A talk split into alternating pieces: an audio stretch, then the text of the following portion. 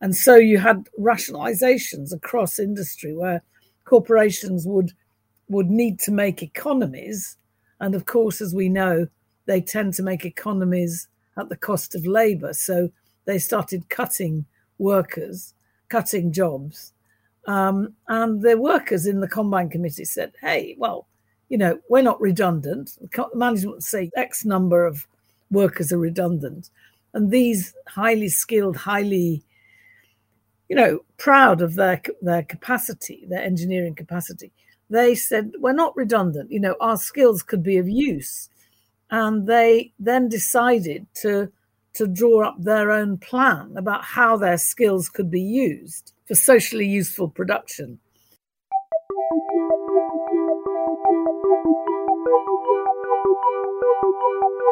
There is no alternative. There is no alternative. There is no alternative. No, no, no.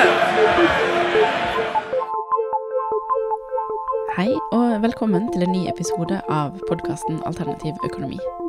Jeg er Reidun Gjengedal, og jeg lager denne podkasten sammen med Kjerstin Gjengedal. I dag skal vi snakke om en idé som ble utviklet i England for snart 50 år siden, som går under navnet Lucas-planen. Lucas Aerospace var en stor bedrift i England som produserte deler til luftfarten, både sivilt og militært, med produksjonslokaler flere steder i landet. I januar 1976 lanserte arbeiderne ved bedriften en omfattende plan for hvordan den kunne gå fra å være en bedrift som i stor grad forsynte Forsvaret, til å lage mer samfunnsnyttige produkter. Bakgrunnen for det var vanskeligere tider for flybransjen og en ledelse som planla kutt i bemanningen. Som et motsvar til ledelsens kuttplaner kom altså arbeiderne opp med Lucas-planen. Denne planen besto av 150 konkrete forslag til produkter som bedriften kunne produsere, som ville være mulig med det utstyret og den ekspertisen de ansatte ved fabrikken hadde. De ulike forslagene bygget i stor grad på arbeidernes egne erfaringer, kunnskap om produksjonsmetoder, utstyr og materialer de hadde tilgjengelig og de var samtidig basert på en kartlegging av behov og innspill hentet inn fra andre. Hun som snakket helt i starten av denne episoden, heter Hilary Wainwright. Hun er forsker, aktivist og journalist, og har annet skrevet en bok om Lucas-planen som heter The Lucas Plan – A New Trade Unionism in the Making, som hun har skrevet sammen med Dave Elliot. Da jeg snakket med henne, begynte hun med å forklare litt mer om bakgrunnen for at planen i det hele tatt ble skrevet. Now, the origins of the plan itself was um, redundancies. You know, the company decided in the face of competition from Germany and other parts of Europe that were that were by now reconstructed after the war uh, and had, you know, quite new revived industries, and they their companies were in competition with British companies like Lucas Aerospace, and so you had rationalizations across industry where corporations would would need to make economies, and of course, as we know, they tend to make economies at the cost of labor. So they started cutting workers, cutting jobs, um, and the workers in the combine committee said, "Hey, well."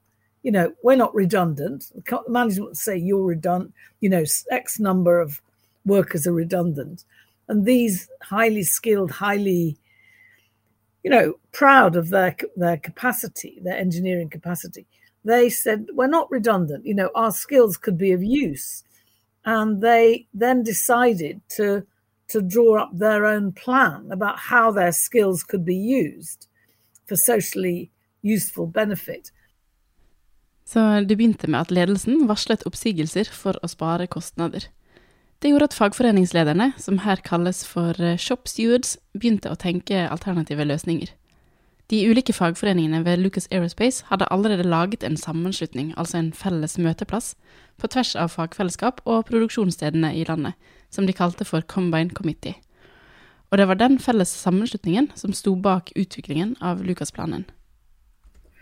Well, the Lucas plan, I mean, it should be called the, um, the full name is the Lucas Aerospace Shop Stewards Combine Committee alternative plan, an alternative corporate plan for socially useful production. So maybe the best way of explaining it is to like unpack that title. So the first phrase was the Lucas Aerospace Shop Stewards Combine Committee. They are the authors of this plan. Well, they and the trade union members. And they, the, the Shop Stewards Combine Committee, I mean, Combine tells you the story. It, it, it was an organization that brought together, firstly, trade unions from different um, skills and different sections of the engineering industry.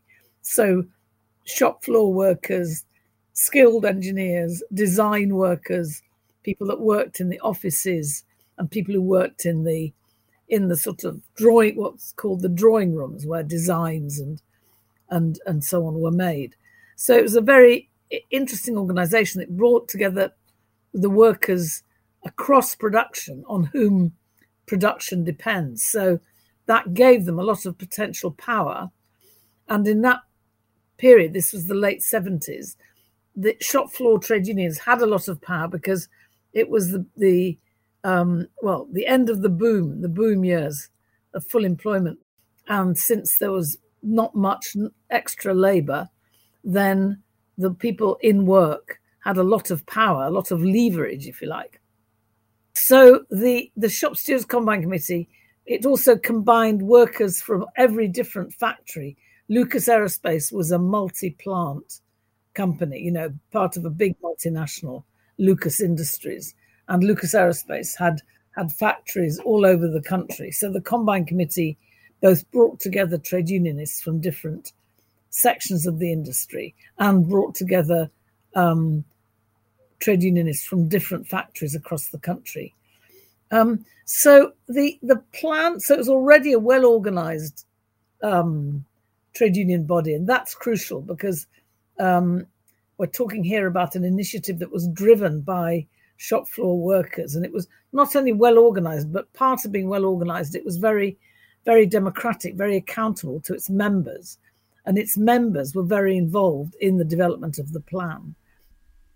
På denne tiden hadde Lucas Aerospace 18 000 ansatte fordelt på 17 ulike produksjonssteder. Det var faktisk i et møte med industriministeren, Tony Benn, at de forente fagforeningene ble utfordret til å lage sin egen utviklingsplan for selskapet, noe som de så bestemte seg for å gjøre. De tok tidlig i prosessen kontakt med over 100 eksperter og akademikere for å få innspill til hva de kunne produsere. Firstly, they went to a lot of experts to say what should we be making, a lot of academics.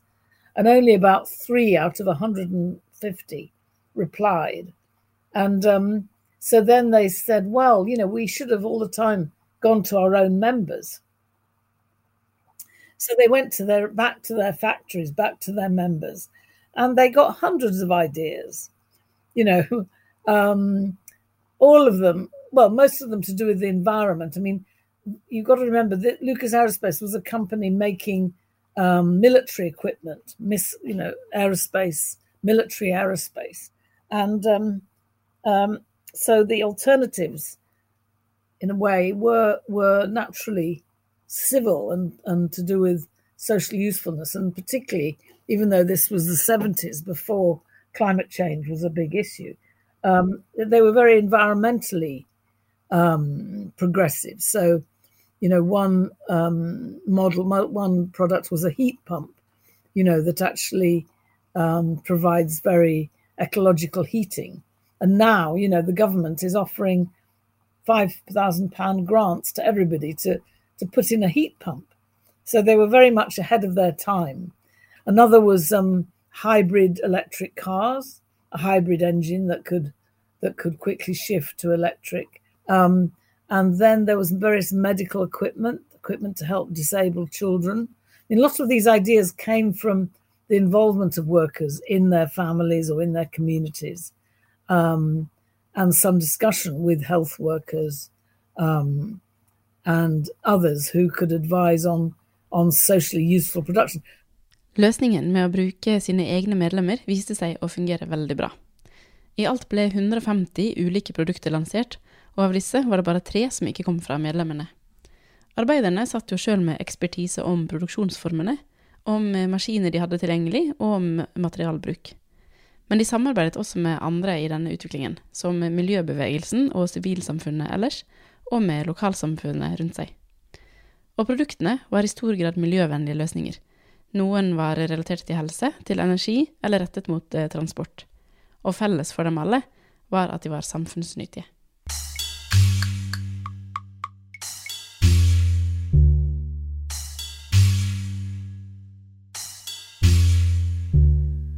Her i Norge har bl.a. Håkon Edøy Hansen vist interesse for Lukasplanen. Han er medlem i Rødt og sitter bl.a. i landsstyret til partiet. Han er utdannet sivilingeniør i kybernetikk og har en interesse for teknologiutvikling generelt. Han sier det egentlig ikke var noen krav til hva slags produkter som skulle planlegges for, men at de likevel viste seg å ha noen fellesnevnere. Arbeiderne ved Lukas de hadde ifølge Markulie, en av initiativtakerne til planen, hadde ingen sånne eh, konkrete eller hva skal jeg si, klare vedtatte føringslinjer som de benytta seg av eh, når de kom med, med sine produktforslag. Eh, men, men han, han, mener jo likevel det er jo en, en del sånn generelle kjennetegn. Jeg tror det var rundt 12-13 han listet opp i en bok han skrev, 'Architecture B'.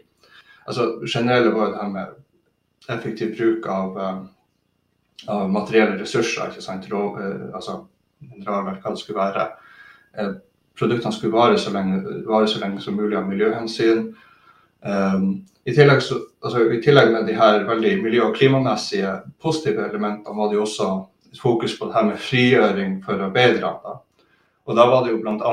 at um, produksjonsprosessen for de her produktene ble delvis valgt på bakgrunn av at du var ingen som kunne miste jobben. Det var jo et førende prinsipp. da. Så en ting som de bl.a. la til rette for, var at det skulle være en, en liten grad av automatisering. da som følge av at produksjonen ved Lukas var ikke så automatisert. for Siden de produserte deler til flyvåpenet, så var det veldig små volum de produserte for. Eh, så, det var i høy grad av en spesialisert utstyr i veldig små kvanta. Så det skiller seg fra sånn klassisk storproduksjon. Altså, fokuset lå også på det her med at, at du skulle utvide og utvikle eh, arbeiderne sine kapasiteter. At, at arbeidet i seg sjøl altså både skulle liksom styrke deres egne kunnskaper og være givende. Da. For det var jo også et, eh, et element som eh, hva skal jeg si, eh, som en del som utslagsgivende på denne planen kom i stand, var det her introduksjonen av numeriske kontrollerte maskiner i industrien for øvrig. Hvor du hadde en høy grad av monotonisering av arbeidet. og hvor du rett og slett gjorde arbeiderne til et slags vedheng på maskinen. Og det var, det var noe man i, i, i høyeste grad eh, ønska å, å, unngå. Og akkurat disse her elementene, spesielt det her med altså, å gjøre de her arbeidene til et vedheng, er jo noe som i, i tillegg til det miljøaspektet er jo i høyeste grad uh, relevant i dag. da. Store grad av produksjon. Altså, her er kanskje Amazon de, de mest kjente eksemplene hvor du har alle instruksjoner kommer utenfra. Du er nærmest bare et, et tannhjul i maskineriet. Altså, det er lagt opp til at du lettest mulig kan byttes ut hvis, um, hvis du opplever skader eller ikke, ikke klarer å, å, jobbe under det enorme presset. Da. Og det er jo spesielt de, de her hva skal si, veldig i høyeste grad reflekterte eh, beslutningsfaktorene kombinert med det faktiske resultat gjør, gjør jo, er jo mye av grunnen tror jeg, da, til at mange har stor interesse for Lukasplanen. Og planen den tilkjennegir en helt egen tilnærming til både teknologi og teknologiutvikling. Når vi ofte diskuterer teknologi, eh, altså i den vanlige samfunnsdebatten, så er det jo ofte eh, lagt ut som noe som skjer med oss. Eh, Dette er naturgitte krefter, altså, og eh, det her er rett og slett noe vi bare må tilpasse oss. Enten det er eh, ord som digitalisering, automasjon, kunstig intelligens, så det er ofte beskrevet av noe som er naturgitt som tyngdekraft. Um, hvor følgende av det her er altså, arbeidsløshet, dårligere vilkår osv. Uh, og det Lukasplanen og, og en del lignende andre initiativ også viste, da, er jo teknologi er jo en og teknologiutvikling hvordan det blir brukt, da, er jo i høyeste grad eh, sosialt betinget. Det er til syvende og sist mennesker under visse omstendigheter som tar eh, avgjørelser med hvordan de her blir brukt, eh, hvilke teknologier som blir valgt, og liksom, hva man ønsker, med hva slags hensyn man produserer for. Det er spesielt kanskje det at planen hadde såpass mange konkrete produkter og, og ideer om hvorfor de var nødvendige, hvordan de skulle brukes. Det var en i høyeste grad en alternativ visjon hvordan, kan fungere, hvordan teknologiutvikling og, og valg av det kan fungere. Da. Og planen vier derfor arbeiderne veldig stor plass i dette. Og her har du jo et veldig konkret eksempel på den eh, enorme kreativiteten som, som ligger i, i arbeidstakerne. Eller i arbeiderne, det er vel bedre, rett, er jo bedre å si. Eh, for altså, gitt forholdene, når forholdene legges til rette, hvor mye som egentlig er mulig. Og, og du ser også det enorme potensialet eh, som, som, ligger i, i, i, hver, i, i hver en av arbeidere. Altså hvor mye som egentlig går til spillet, gitt sånn som forholdene er nå. da. Planen som ble laget, inneholdt, som vi har hørt, forslag til langt over 100 forskjellige produkter. Og flere av disse ble også tatt videre fra idéstadiet til at det ble utviklet prototyper. Wainwright forteller mer om hva som skjedde etter at planen lå på bordet. The Combine Committee was quite sort of ingenious and creative, and they tried. They wanted to develop prototypes of these products, so they they made links with first. They made links with um, universities, and one of them was Northeast London Polytechnic. I think it's now Northeast London University, and um, they they set up a centre there, the Centre for Alternative Industrial Technological Systems, CAITS, and um, they they then with the support of some sympathetic academics, they they did create a prototype of the road rail vehicle, which they then used as a kind of agitprop that they took around the country to illustrate what was possible. Um, so that's where, I mean, the products were developed in prototypes, not all of them, but some of them. Så det ble laget eh, prototyper av noen av produktene som viste at de faktisk var gjennomførbare. En annen ting som skjedde på samme tid, var opprettelsen av et nettverk for akademikere og andre som hadde interesse for samfunnsnyttig produksjon. And then um, the next opportunity they had to put something into practice was when a left wing government gained office in the Greater London Council, which Mrs. Thatcher has abolished.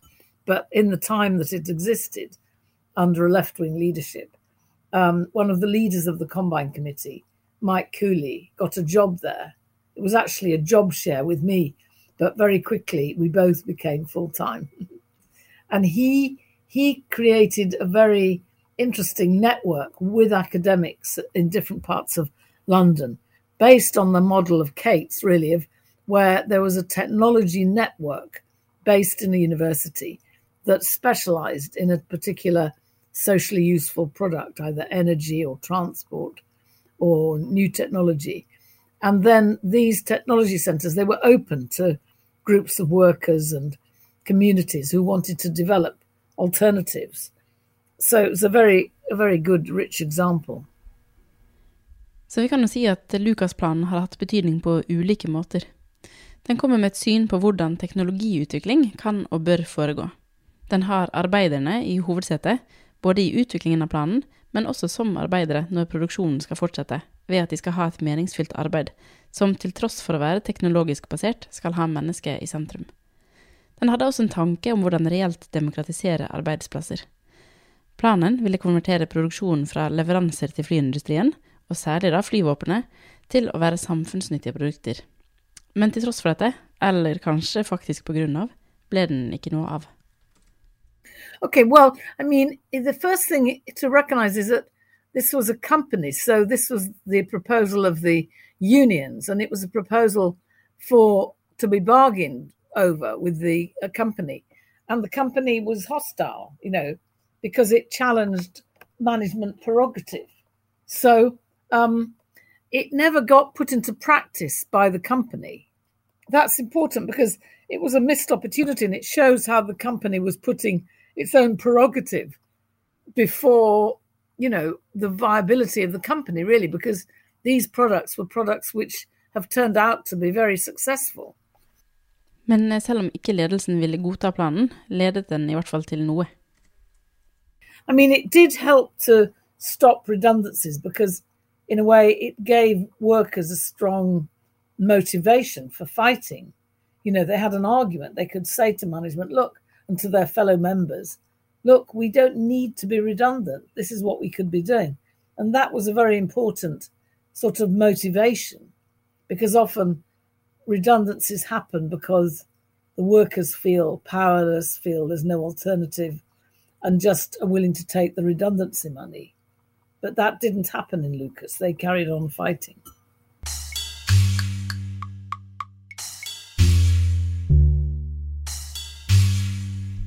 Lucasplanen ble aldri ført ut i livet. Men for et par eh, år siden oppsto en gruppe som kaller seg The New Lucas Plan, som har lyst til å bygge videre på nettopp det arbeidet som arbeiderne ved Lucas Aerospace la grunnlaget for.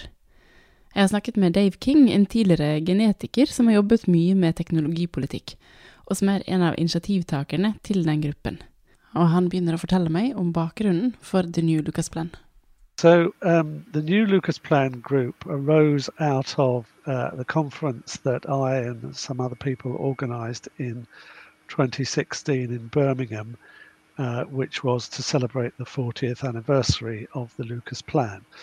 Um, and there was a lot of excitement at that conference about the, uh, obviously about uh, what happened in the 1970s, but also its its relevance to today. Um, and it was very, it was a great conference in that it brought together people from a, a bunch of different movements, including the, you know, environmental peace movement, uh, trade unions, and the left in general. Um, and so there were some really fruitful discussions, and obviously a general feeling that yeah, what what they what they did at Lucas in the 1970s is is is particularly relevant today, you know, in relation to the climate crisis. So, what exactly is the relevance of the Lucas plan today? Okay, well, I think that uh, I mean there are a number of things about it that are are critical.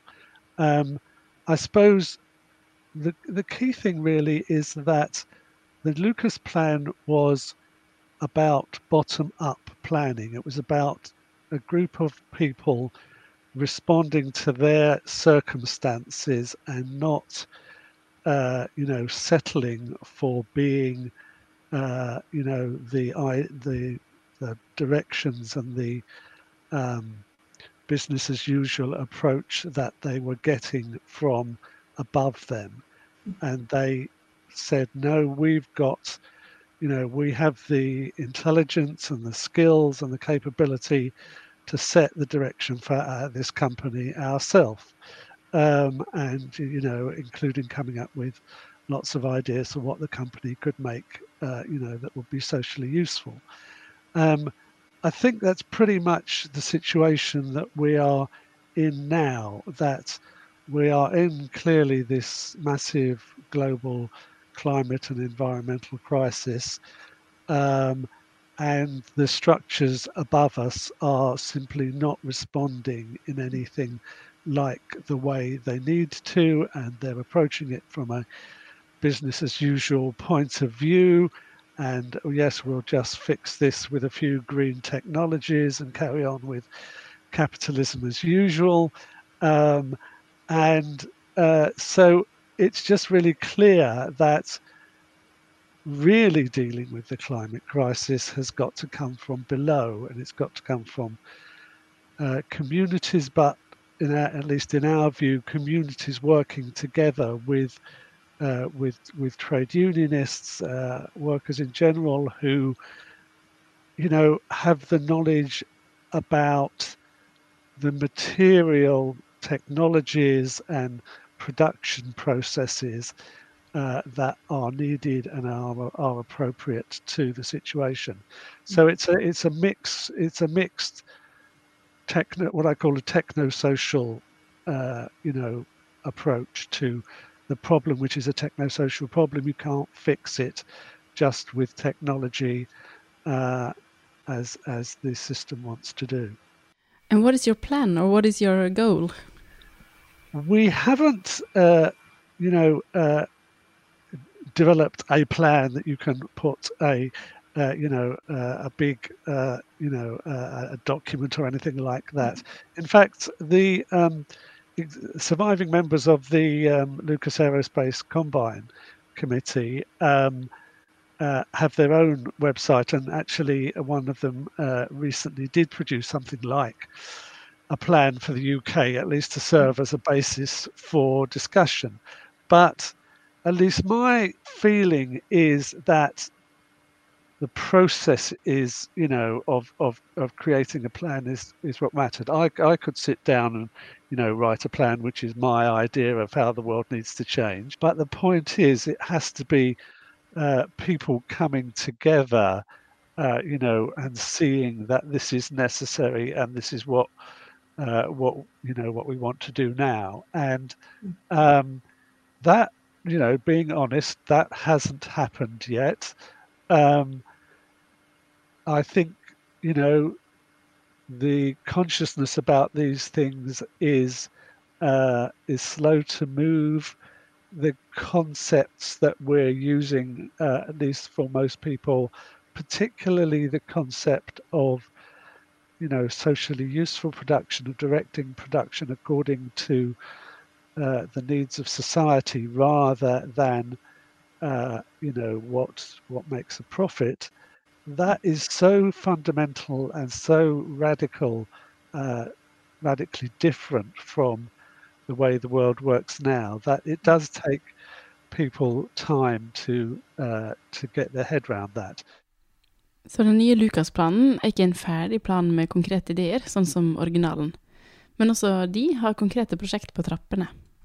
In fact, we're just starting what I think is a very interesting project, which is uh, working with local communities in three different localities in the UK to develop their local um, uh, economic plans. The idea here again is to bring together uh, you know, lots of different elements of communities. Uh, obviously, communities are diverse in all kinds of ways. Um, together with together with trade unionists, it's going to be taking place in uh, in London and also in a, a couple of place industrial towns uh, in the British Midlands, Coventry, Derby, Nottingham. Um, we're going to try and bring people together uh, later on this year and start talking really about, you know, it, I, it doesn't have the the the project we're doing now doesn't really have the capacity to really, I think, to uh, go all the way with this process. I think that's going to be a process of years, you know, uh, of uh, uh of of developing. Um, but this is a, a, kind of start towards that, and hopefully will crystallize something that, you know, a crystal provides a seed for more crystallization. So, yeah.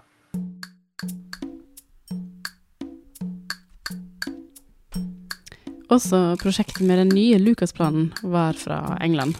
Så vi er nok nødt til å grave litt mer i hva som skjer her i Norge.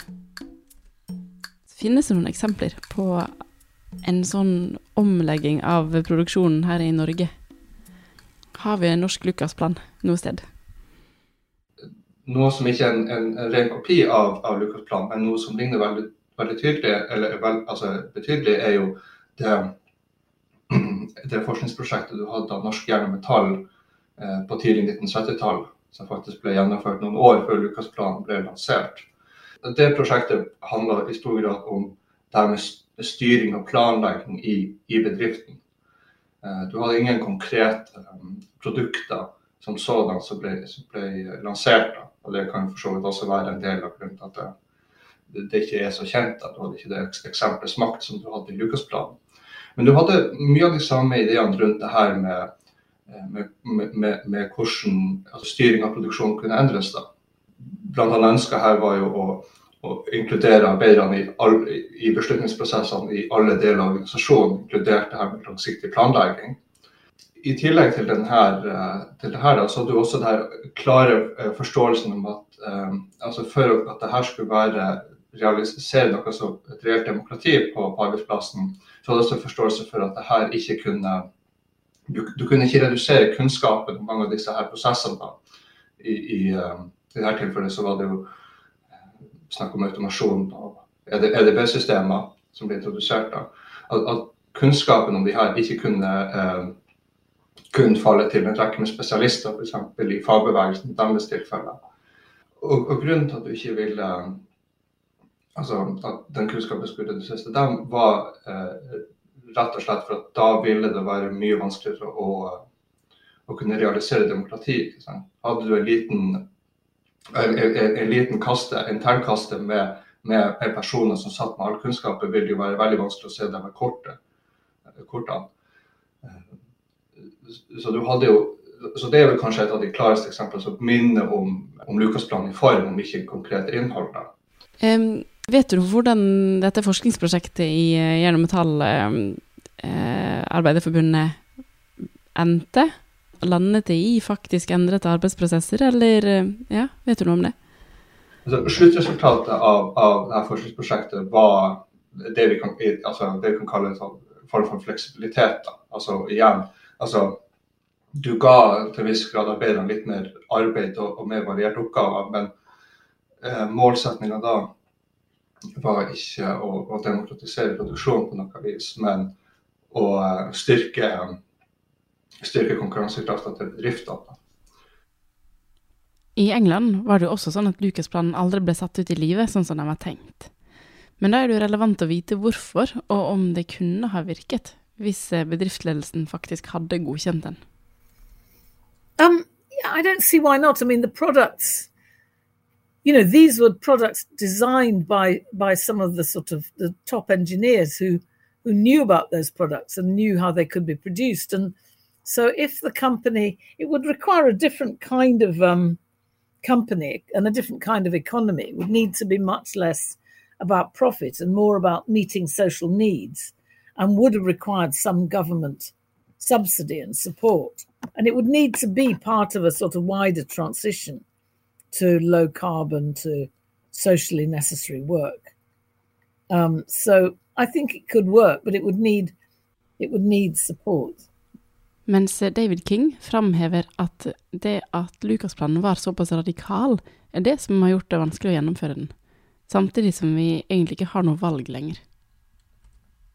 I mean, um, the way the world has worked for the last, you know, about 250 years um, has been entirely different, you know, um, uh, and the primary criteria for criteria for doing anything is can you make it pay, can you make a profit out of it, and uh, you know, I, I think of all of that as as a bubble, uh, you know, a techno-social bubble that has inflated itself and inflated itself and has worked you know, incredibly successfully for the last 250 years, um, except for the small but inconvenient fact of its impact upon the world and, of course, its impact upon uh, upon societies and, and, and, and, human beings and the massive. Mm.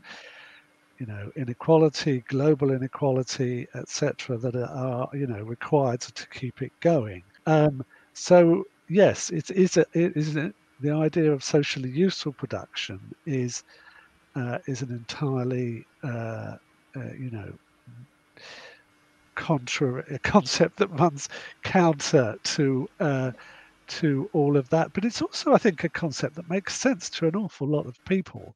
It's perfectly simple and you know people can understand it and it, it's just kind of obvious today that you know the massive overconsumption that we have in you know in in the west simply cannot go on uh, it's not going to be fixed by you know renewable energy or something like that um, uh, and as we know renewable energy uh, unfortunately is liable to perpetuate many of the problems you know particularly in that it mm. will require huge amounts of uh, mining for minerals, and we know that mining is one of the worst, you know, environmentally destructive activities that goes on in the world. So we have to take this idea of socially useful production, making sure that people have the basic necessities of life.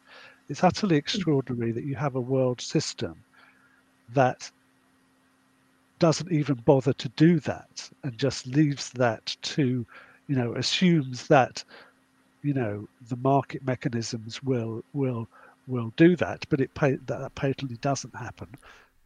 Manglende vilje hos bedriftsledelsen og en for radikal idé er noen av grunnene til at ikke det ble noen Lukas-plan på 70-tallet. Men likevel, da, om vi skulle fått til noe sånt i Norge i dag, hvordan kunne det ha sett ut? Det må jeg tilbake til Håkon Edøy Hansen for å få vite mer om. Eh, altså, Lukasplanen skiller seg ut veldig i stor grad fra hvordan det generelle eh, trepartssamarbeidet man kjenner igjen i, i, Norge i dag. Da, i at her, Det var jo til syvende og sist arbeidere som delvis brøt seg løs fra det, eh, fra det eh, hierarkiet du kjenner igjen i fagbevegelsen. Og I tillegg så var de veldig de var jo eksplisitt på at de brøt med rent bedriftsøkonomiske hensyn. Her var det Eh, produkter det var bruk for. Om det var lønnsomt, det var ikke så, så, så, veldig viktig.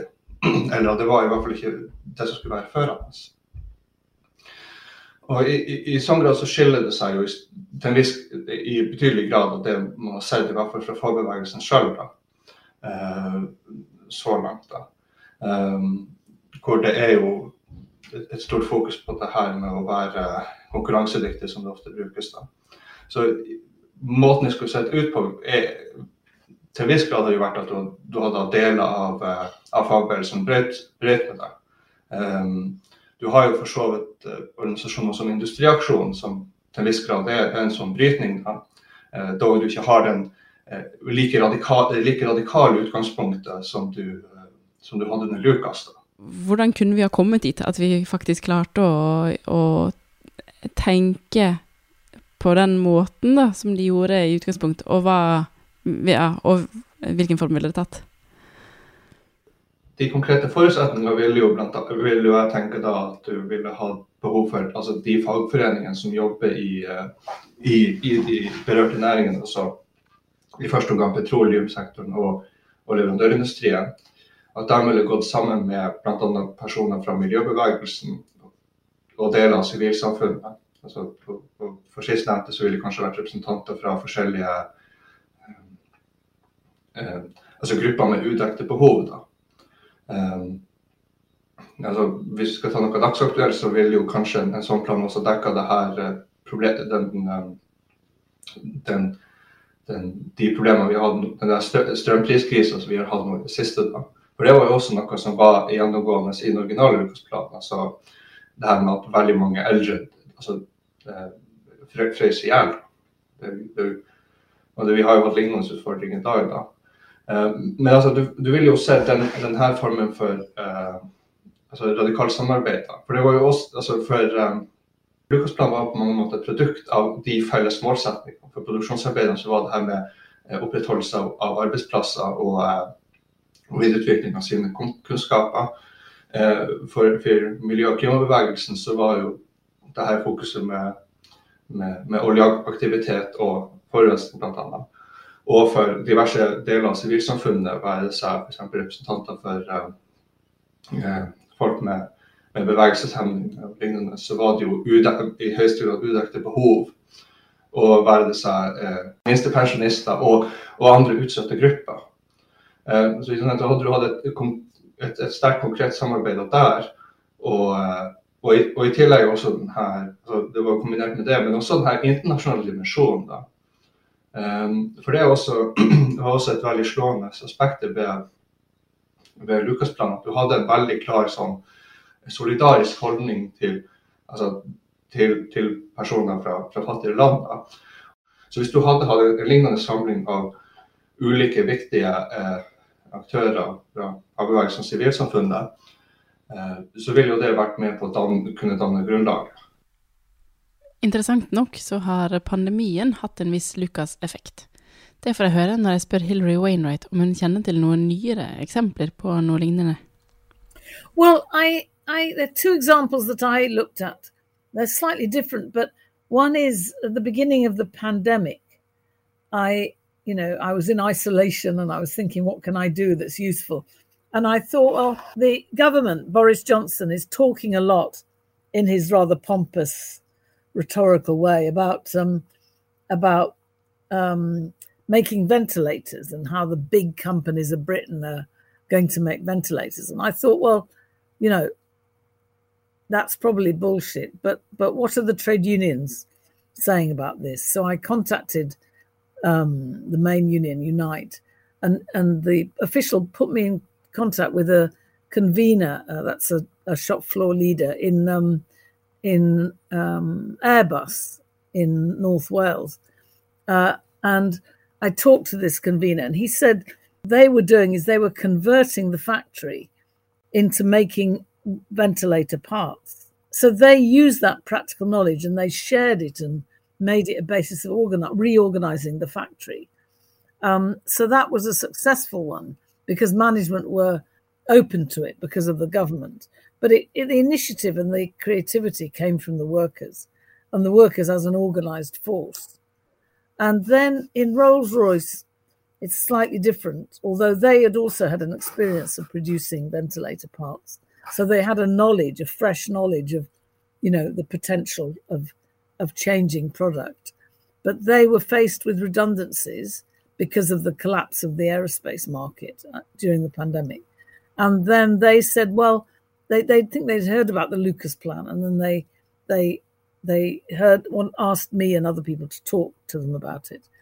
And then they, working with the a green movement in Coventry, the Green New Deal, they um, they worked on and are working now on the idea of green alternatives. I mean, again, management isn't very sympathetic, but there is some possibility. So that's I wouldn't I don't want to um, um, dramatize that or exaggerate it, but it's a sort of seed.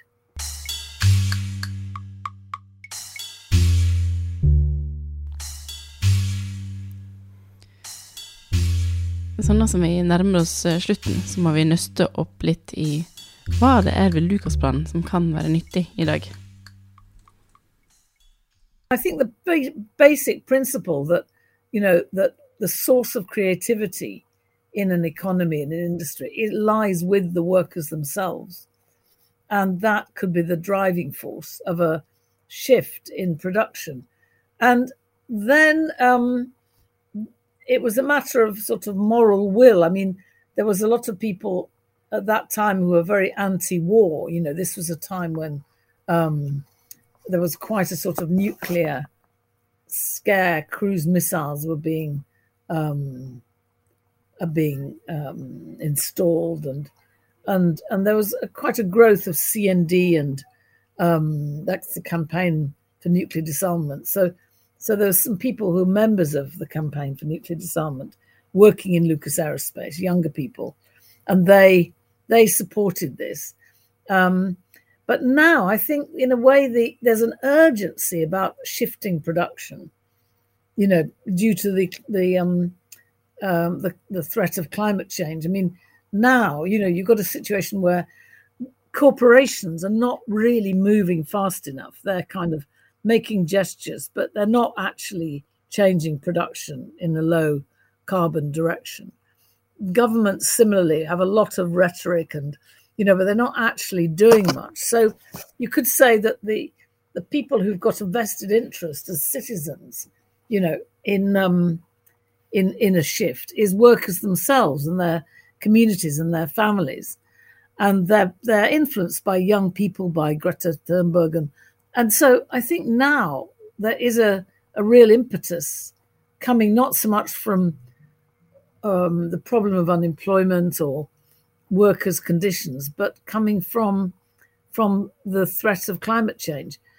Um, and on the other hand, there, there is there's enough interest in the trade union movement in the idea of saying um, we could be doing something about this in terms of renewable products for renewable energy and so on, low carbon products.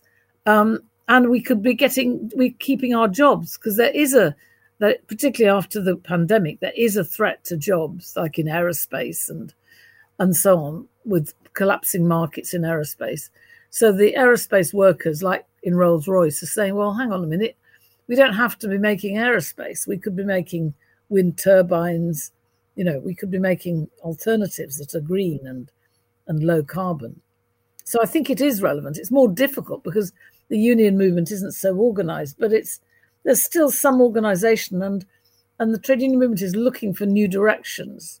So I'm finding in my the work I'm doing at the moment, which is on this whole idea of of worker led proposals for a low carbon economy. And I'm finding a lot of discussion and openness to this in the trade union movement in Britain. Og der Hillary Wainwright snakker om kreativiteten til arbeiderne, og om klimakrisen som trusselen som gjør endringene helt nødvendige, så sier Dave King det med litt andre ord. Han legger vekt på at mennesket er i sentrum, og at eh, det fysiske arbeidet med ulike materialer i seg sjøl er en viktig bidragsyter i klimakampen framover. And so there was a whole movement of uh, what it was called human-centered technology, which was about yeah, it's not against it wasn't against technology. It was about designing technology so that human skills would direct the machinery rather than the machinery directing the human mm. being. Um, and so the Lucas workers were really clear that this was part of their struggle. Was they were facing their wave of automation in the 1970s, um, uh, which was part of what was you know driving the management to try and cut cut their jobs. Um, so yeah, they they said no, we need human skills based production, and and that again connects with with some basic you know environmental ideas. Uh, you know that actually the the skills that a person gains from working working directly themselves with natural materials, whether it's you know wood or metal or you know whatever, um, is is you know, what enables them to understand and respect nature. Um, that's a very you know basic green concept, which industrial capitalism wants to get do away with. Uh, so yes, I mean uh, it's that I think is is a big part of the the overall picture, which uh, we have to bring those two different debates about AI and jobs together with the climate crisis discussions.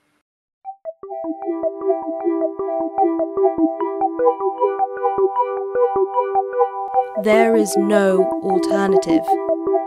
There is no alternative. There is no alternative. No. No. No. I podkastserien Alternativ økonomi leter vi etter økonomiske løsninger som kan være med på å skape en bedre verden. Nye episoder publiseres én gang i måneden.